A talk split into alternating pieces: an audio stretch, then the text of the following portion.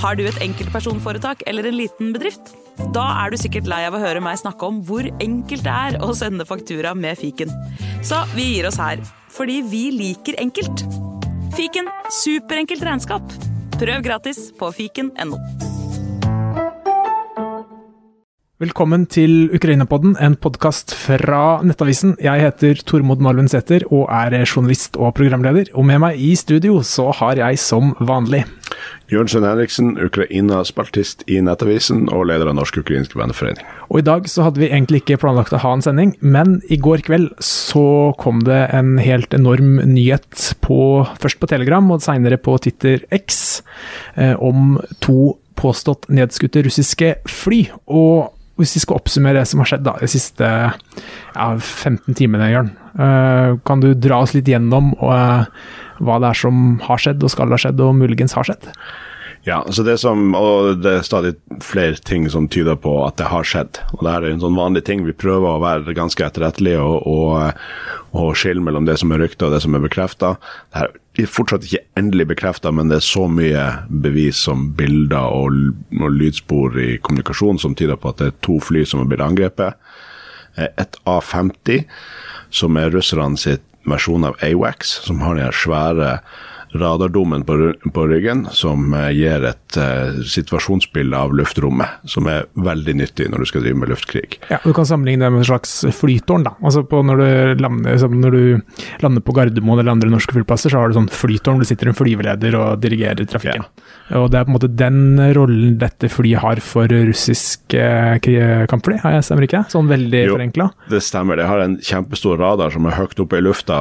Det som er Eh, problemet med eh, landbaserte radarer, og her mista vi kanskje noen Flat Earth-lyttere, eh, men problemet med landbaserte radarer er jo at siden jorda er rund og kurva, så, så har de begrensa rekkevidde, for at de ser ikke langs bakken veldig langt. Men når du får en sånn stor radar høyt opp i lufta, så får du både lang rekkevidde og, og et veldig bra situasjonsbilde av hva som skjer.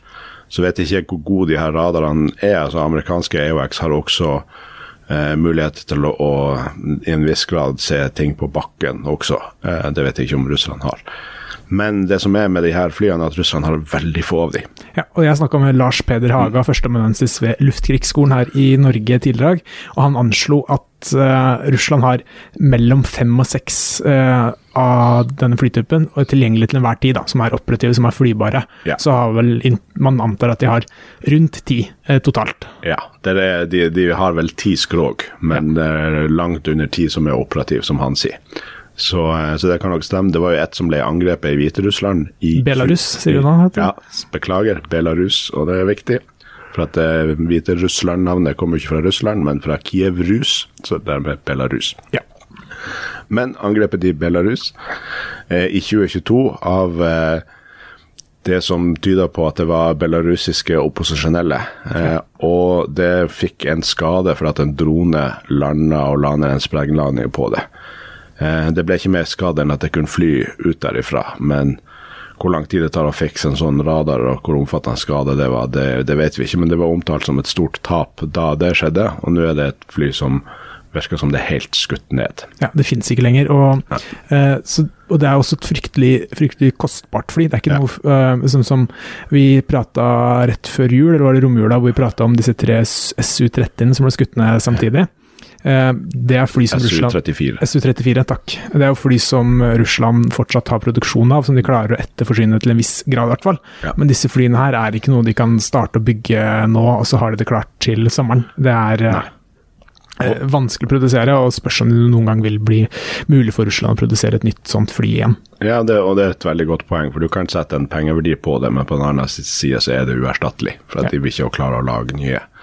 Um, så, så det er et betydelig tap for deres ja, mangler et godt norsk ord, command and control, eller uh, ledelseskapasitet når det gjelder å drive luftkrig. Ja, det er på en måte da De russiske pilotene som utfører tokt eh, mot Ukraina, vil ikke ha like god oversiktsbilde over det som skjer. Mm. Og eh, noe annet som Lars Peder Haga trakk fram da jeg pratet med han, som jeg syns var interessant, er at det gjør også at Russlands evne til å oppdage eh, ukrainske kryssemissiler mot Kertsbrua også eh, vil påvirkes av det her. Da. Fordi det flyet det, opp, det er i stand til å oppdage ukrainske fly på ukrainsk territorium, som er på en måte på vei eh, mot russiske stillinger og kan true de. Mm. Eh, det vil de ha mindre mulighet til å gjøre nå. Og eh, det vil også kunne oppdage kryssemissiler som er på vei mot Kertsbrua. Eh, og, og den muligheten har de da i hvert fall fått svært begrensa. Og det, det vil være utrolig viktig for eh, ukrainsk evne til å angripe denne brua. Ja, de, eh, og det er nok det de her to flyene gjorde der. De var der for å eh, passe på eller eh, ha, få en advarsel hvis det er Storm Shadow-missil eller lignende på vei mot Catchbrua. Og selv om de ikke har mista helt den kapasiteten, for de har ja, en plass mellom fire og fem sånne fly til, så er det jo mye nedetid og vedlikehold og, og den type ting som gjør at eh, nå har de færre timer i løpet av ei uke der de har et sånt fly oppe til å passe på. Og noe av poenget med sånne overvåkningsfly er at du må ha det i lufta kontinuerlig for å kunne skaffe deg et uh, godt bilde. Det hjelper jo på en måte ikke å ha uh, alarm fra Securitas uh, på huset ditt bare når du er hjemme. Du bør også ha det når du si, er borte. Du må ha det 24-7 for at det skal ha den funksjonen det er tiltenkt. Ja. Og så kan det jo være at de tidvis trenger to fly opp i lufta, fordi at de driver og passer på Krim og Catch i sør, men så planlegger de noen luftoperasjoner i nord eh, og lignende, der de vil ha et situasjonsbilde av hvordan det er med, med ukrainske jagere i lufta for å hindre at de angriper eh, russiske angrepsfly. Ja. Og nå vil vi ha enda mindre mulighet til å kunne gjøre det. Ja. Og så har vi det andre flyet som er både snakka og skrevet litt mindre om, dette IL-22M-flyet. Ja. Og det er, så vidt jeg har skjønt, da, så er det en, det er en eldre eh, versjon enn dette A50-flyet, eh, men litt andre oppgaver. Det har eh, mer som en slags eh, videreformidler av forskjellige beskjeder. Altså det er eh, Kall det en slags kommunikasjonssentral da, Ja. eh, oppe i lufta. Eh, Så det er litt annen funksjon enn dette A50-flyet, men fortsatt et svært viktig fly, og et fly som Russland igjen har veldig veldig få av. Mellom fem og seks antok man på i forkant. Ja. Det her er en slags eh, eh, modernisering og oppdatering, versjon av eh, IL-18-flyet. Eh, som, eh, som heter IL-22M. og Hvis du googler IL-22, så kommer det opp et, eh, et jagerbombefly fra 1947 som er et helt annet fly, for at russerne har eh, dobbeltbooka navnene sine noen ganger. Ja, og jeg måtte google flere ganger på morgenen, for jeg er ikke noe ekspert på russiske flytyper. Så jeg mm, tok litt tid før jeg skjønte at det var to forskjellige ting, da. Så eh, hvis dere blir forvirra av det, så er, er ikke dere det eneste. Ikke sant. Eh, Men eh, som du sier, det her er en slags eh, ja, ledelsesfly, flygende kommandostasjon, der de eh, tar avgjørelser, videreformidler eh, situasjonsbildet, og tydelig at de her to jobber sammen. At eh, A50-en har radaren og sørger for eh, informasjonsinnhenting, og så tar gjengen i det andre flyet avgjørelser og, og videreformidla avgjørelser. Eh, og det ble angrepet. Det er mye som tyder på at det har klart å lande. Dette, ja, dette IL-22-flyet. Ja. Eh, og, men det er kommet ut radiokommunikasjon mellom de og tårnet om at de sier at de trenger både brannmannskaper og ambulanse. Eh, at har kritisk behov for ambulanse når de lander. Ja, for å ta det først og sist. Dette A50-flyet det ser ut til å være styrta i havet. Det, det er borte. Der var det ingen overlevende. Mens dette IL-22M-flyet har eh, RBC Ukraina, som er et ukrainsk nyhetsmediehus, da, kaller det, eh, har sluppet av en, eh, det som skal være eh, radiokommunikasjon mellom dette IL-22-flyet, hvor de ber om som de sier, ambulanse og brannbil når de lander. Og det er en russisk telegramkanal som heter Fighter Bomber, eh, som vi antar, eller ganske tydelig har eh, gode forbindelser til det russiske luftforsvaret. Kommer med mye eh, informasjon om eh, russiske luftokt, russisk eh, luftmakt osv. osv. De har da eh, delt et bilde av dette det som skal være et IL-22M-flyet, som mm. står på en flyplass, må vi kunne si. Det er stort sett det vi kan se. Mm. Vi, ser, vi ser en haleparti på et fly, og jeg har googla i ram, og det, det, kan ligne på halen til et sånn IL-22M-fly. Så det, det, ser ut til å være et sånt. Det har i hvert fall denne stjerna som russiske mm. fly ofte har på halen, og så ser du en brannbil i bakgrunnen. Så ser du noen bygninger bak der, men, men jeg har ikke klart å geolokalisere si akkurat hvor det er, men jeg regner med at i løpet av dagen så er det noen som kan si akkurat akkurat hvilken flyplass det er satt på. Veldig mange gode geolokaliseringsentusiaster der ute, så jeg regner med, som du sier, at i løpet av dagen så får vi oppskrifter på Twitter på hvor det her er. Ja. Um, men vi ser også på de skadene som er hvis folk uh, går og ser på den strålende saken som du har skrevet, der er det, eh, der er det bildet i den saken. Så ser man sånn fragmentskader på halepartiet der, og det er typisk for både luft-til-luft og bakke-til-luft-missiler som skal skyte ned fly. For det sånne missiler gjør, er jo ikke at de har et direkte treff på flyet. Når de kommer nært, så eksploderer de og sender ut fragmenter. For at det er den mest effektive måten å skyte ned et fly. Det er å påføre det mange små punkteringsskader som gjør at det mister funksjonalitet og, og styrter. Og her ser du at det, de, de halepartiet har virkelig fått juling, eh, men har alt så holdt de ihop nok til at de har klart å komme tilbake til en eller annen russisk base. Yes, og uh, så er spørsmålet hvordan det her har skjedd. Det er det jo flere teorier om. Uh, det er et veldig godt spørsmål. Det er et veldig veldig godt spørsmål, fordi det gir altså, I utgangspunktet så ser det veldig veldig vanskelig ut. Uh, det Jeg snakka litt med igjen, da, med Lars Peder Haga. Han trakk fram flere forskjellige teorier. Mm. En av de er at russisk luftvern kan ha skutt deg ned. Uh, og som han sa til meg, det vil i så fall være skikkelig inkompetent, mm. men ikke veldig overraskende. Uh, for Russland har skutt ned flere av sine egne fly så langt i denne krigen, og det er altså noe vi vet fra, um, fra krig, rett og slett, fra luftkriger, er at det er, det er, vanskelig å se forskjellen på et fiendtlig fly og et, si, et av dine egne fly. Mm. er vanskelig å se, men det som taler mot at, at de har skutt ned sine egne fly, er at det her er jo ikke kampfly, det er ikke som SU-34 fire som, eh, som liksom, Det er litt, litt, vanskelig å si om det angriper deg eller ikke. Mm. Det her er jo overvåkningsfly som flyr i faste mønstre. Hvis yeah. du følger dem på Flight Simulator f.eks., så følger sånne overvåkningsfly der, så flyr de gjerne nesten sånn åttetall, f.eks., hvor de flyr fram og tilbake yeah. igjen og igjen og igjen. Og det, de flyr sakte. De har, eh, flyr gjerne, som du sa, veldig høyt, for de må få tak i disse radarsignalene. Så det tilsier Eller det gjør at det er veldig lite sannsynlig at det er russisk luftvern som har tatt feil uh, av ukrainske og russiske fly. Ja. Og Ukraina har heller ikke denne flytypen, så det, det gir egentlig ikke noe mening Nei, at det er Russland som skutt ned selv. Også hvor de har fløyet. Altså, Ukraina driver ikke og flyr over Azovhavet.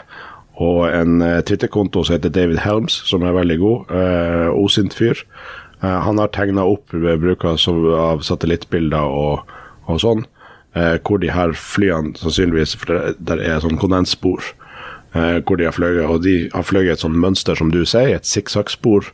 Eh, litt eh, sør-vest for eh, Berdiansk, litt sør for Melitopol, som er helt, helt nord i Asovhavet. Litt lenger nord enn jeg ville vært komfortabel med å fly sjøl hvis jeg var russerne.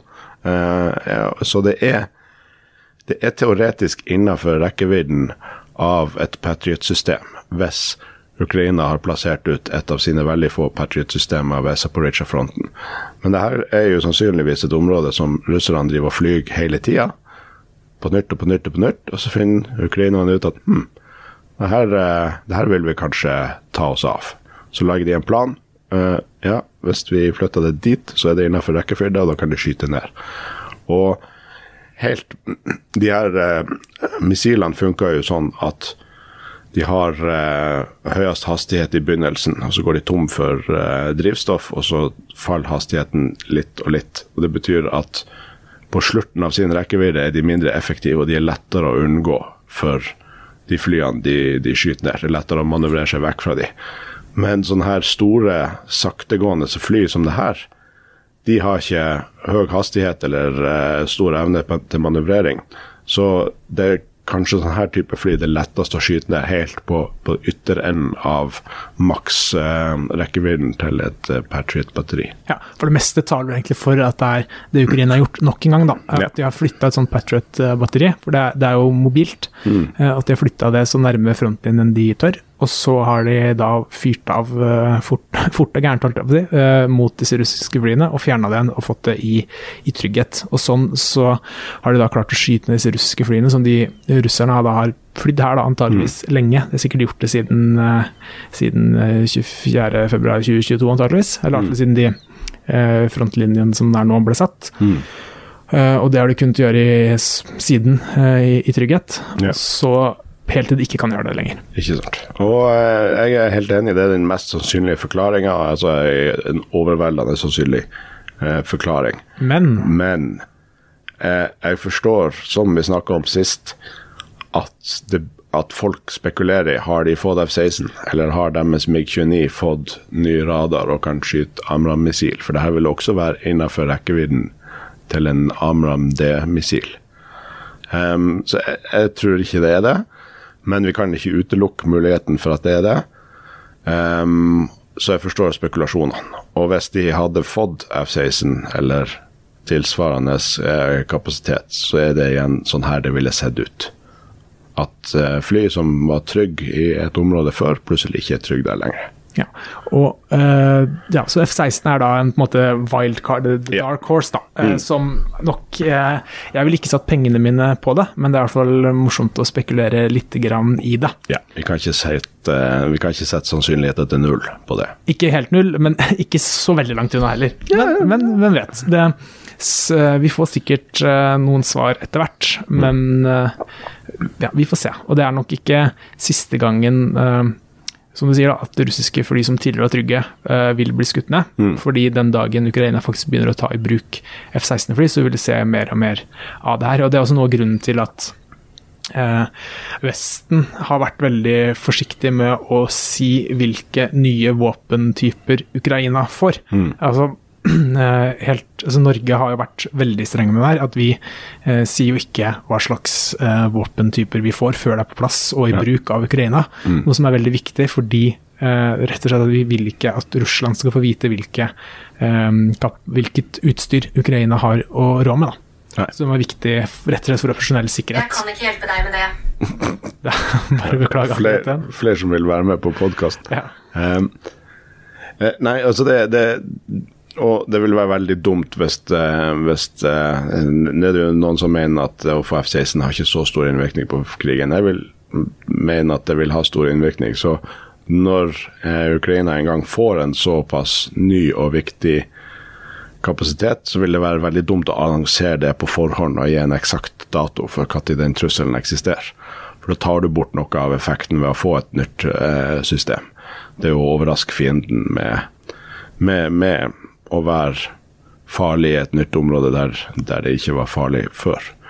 Men det vi ser konturene av, er jo at når um, F-16 eller Gripen um, kommer til Ukraina, så får de stadig bedre arbeidsforhold. For uh, de tapene som, uh, som russerne hadde i luftkrigen i det siste, er betydelige. Nå har de tatt ut de her to viktige overvåknings-ledelsesflyene. Eh, og vi ser at russerne eh, har mangel på luftvern. Eh, det er tynt i rekken, de har mista en del og, og har flere områder de skal beskytte. Også det her at eh, Ukraina begynte å angrepe inn på russisk territorium, gjør jo at de trenger luftvern også i Russland. Eh, så når eh, det kommer eh, vestlige fly til Ukraina, så, så vil nok de eh, ha lettere arbeidsforhold nå enn de ville hatt for et år siden.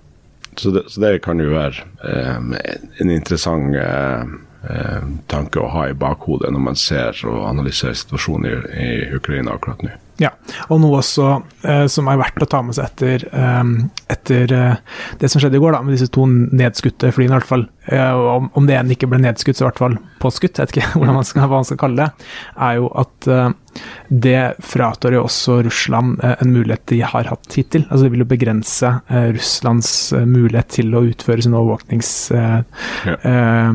overvåkningstokter.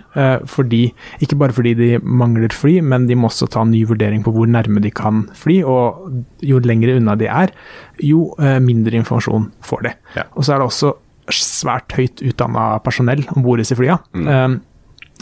jeg vet ikke hvor mange som jobber om bord på disse flyene, men det er også noe Lars Peder Haga trakk fram. Han snakka om vei, er at det er altså et merkbart tap at uh, i hvert fall dette A50-flyet, så er må man bare anta at alle er døde. Uh, har mye å si for uh, den russiske evnen til å utføre sånne operasjoner. For det er, det er veldig spesialiserte oppgaver. Det er ikke noe uh, du, Det kan ikke sammenlignes da med en russisk fotsoldat som får en kalasjnikov i hånda og beskjed om å forsvare en skyttergrav. Det kan nesten hvem som helst gjøre. Men det å fly, operere Ikke det å bare fly, men det å operere sånne overvåkningsfly er særdeles teknisk krevende. og, og krever lang utdannelse og lang erfaring for å gjøre det på en god måte.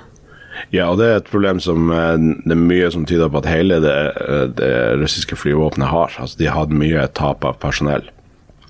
Og de starta vel krigen litt på hælen med for få trente piloter i utgangspunktet. Å trene nye piloter er ikke noe du gjør over natta. Her i Vesten så bruker vi seks år på å utdanne en pilot, og de som kommer ut i, i, i andre enden er jo omtalt som en rookie som er helt fersk og skal begynne sin karriere og bli stadig bedre eh, piloter. Så det er ikke fort gjort for russerne å øke antallet kompetente piloter fra et lavt nivå når krigen starter, og samtidig erstatte de som de taper.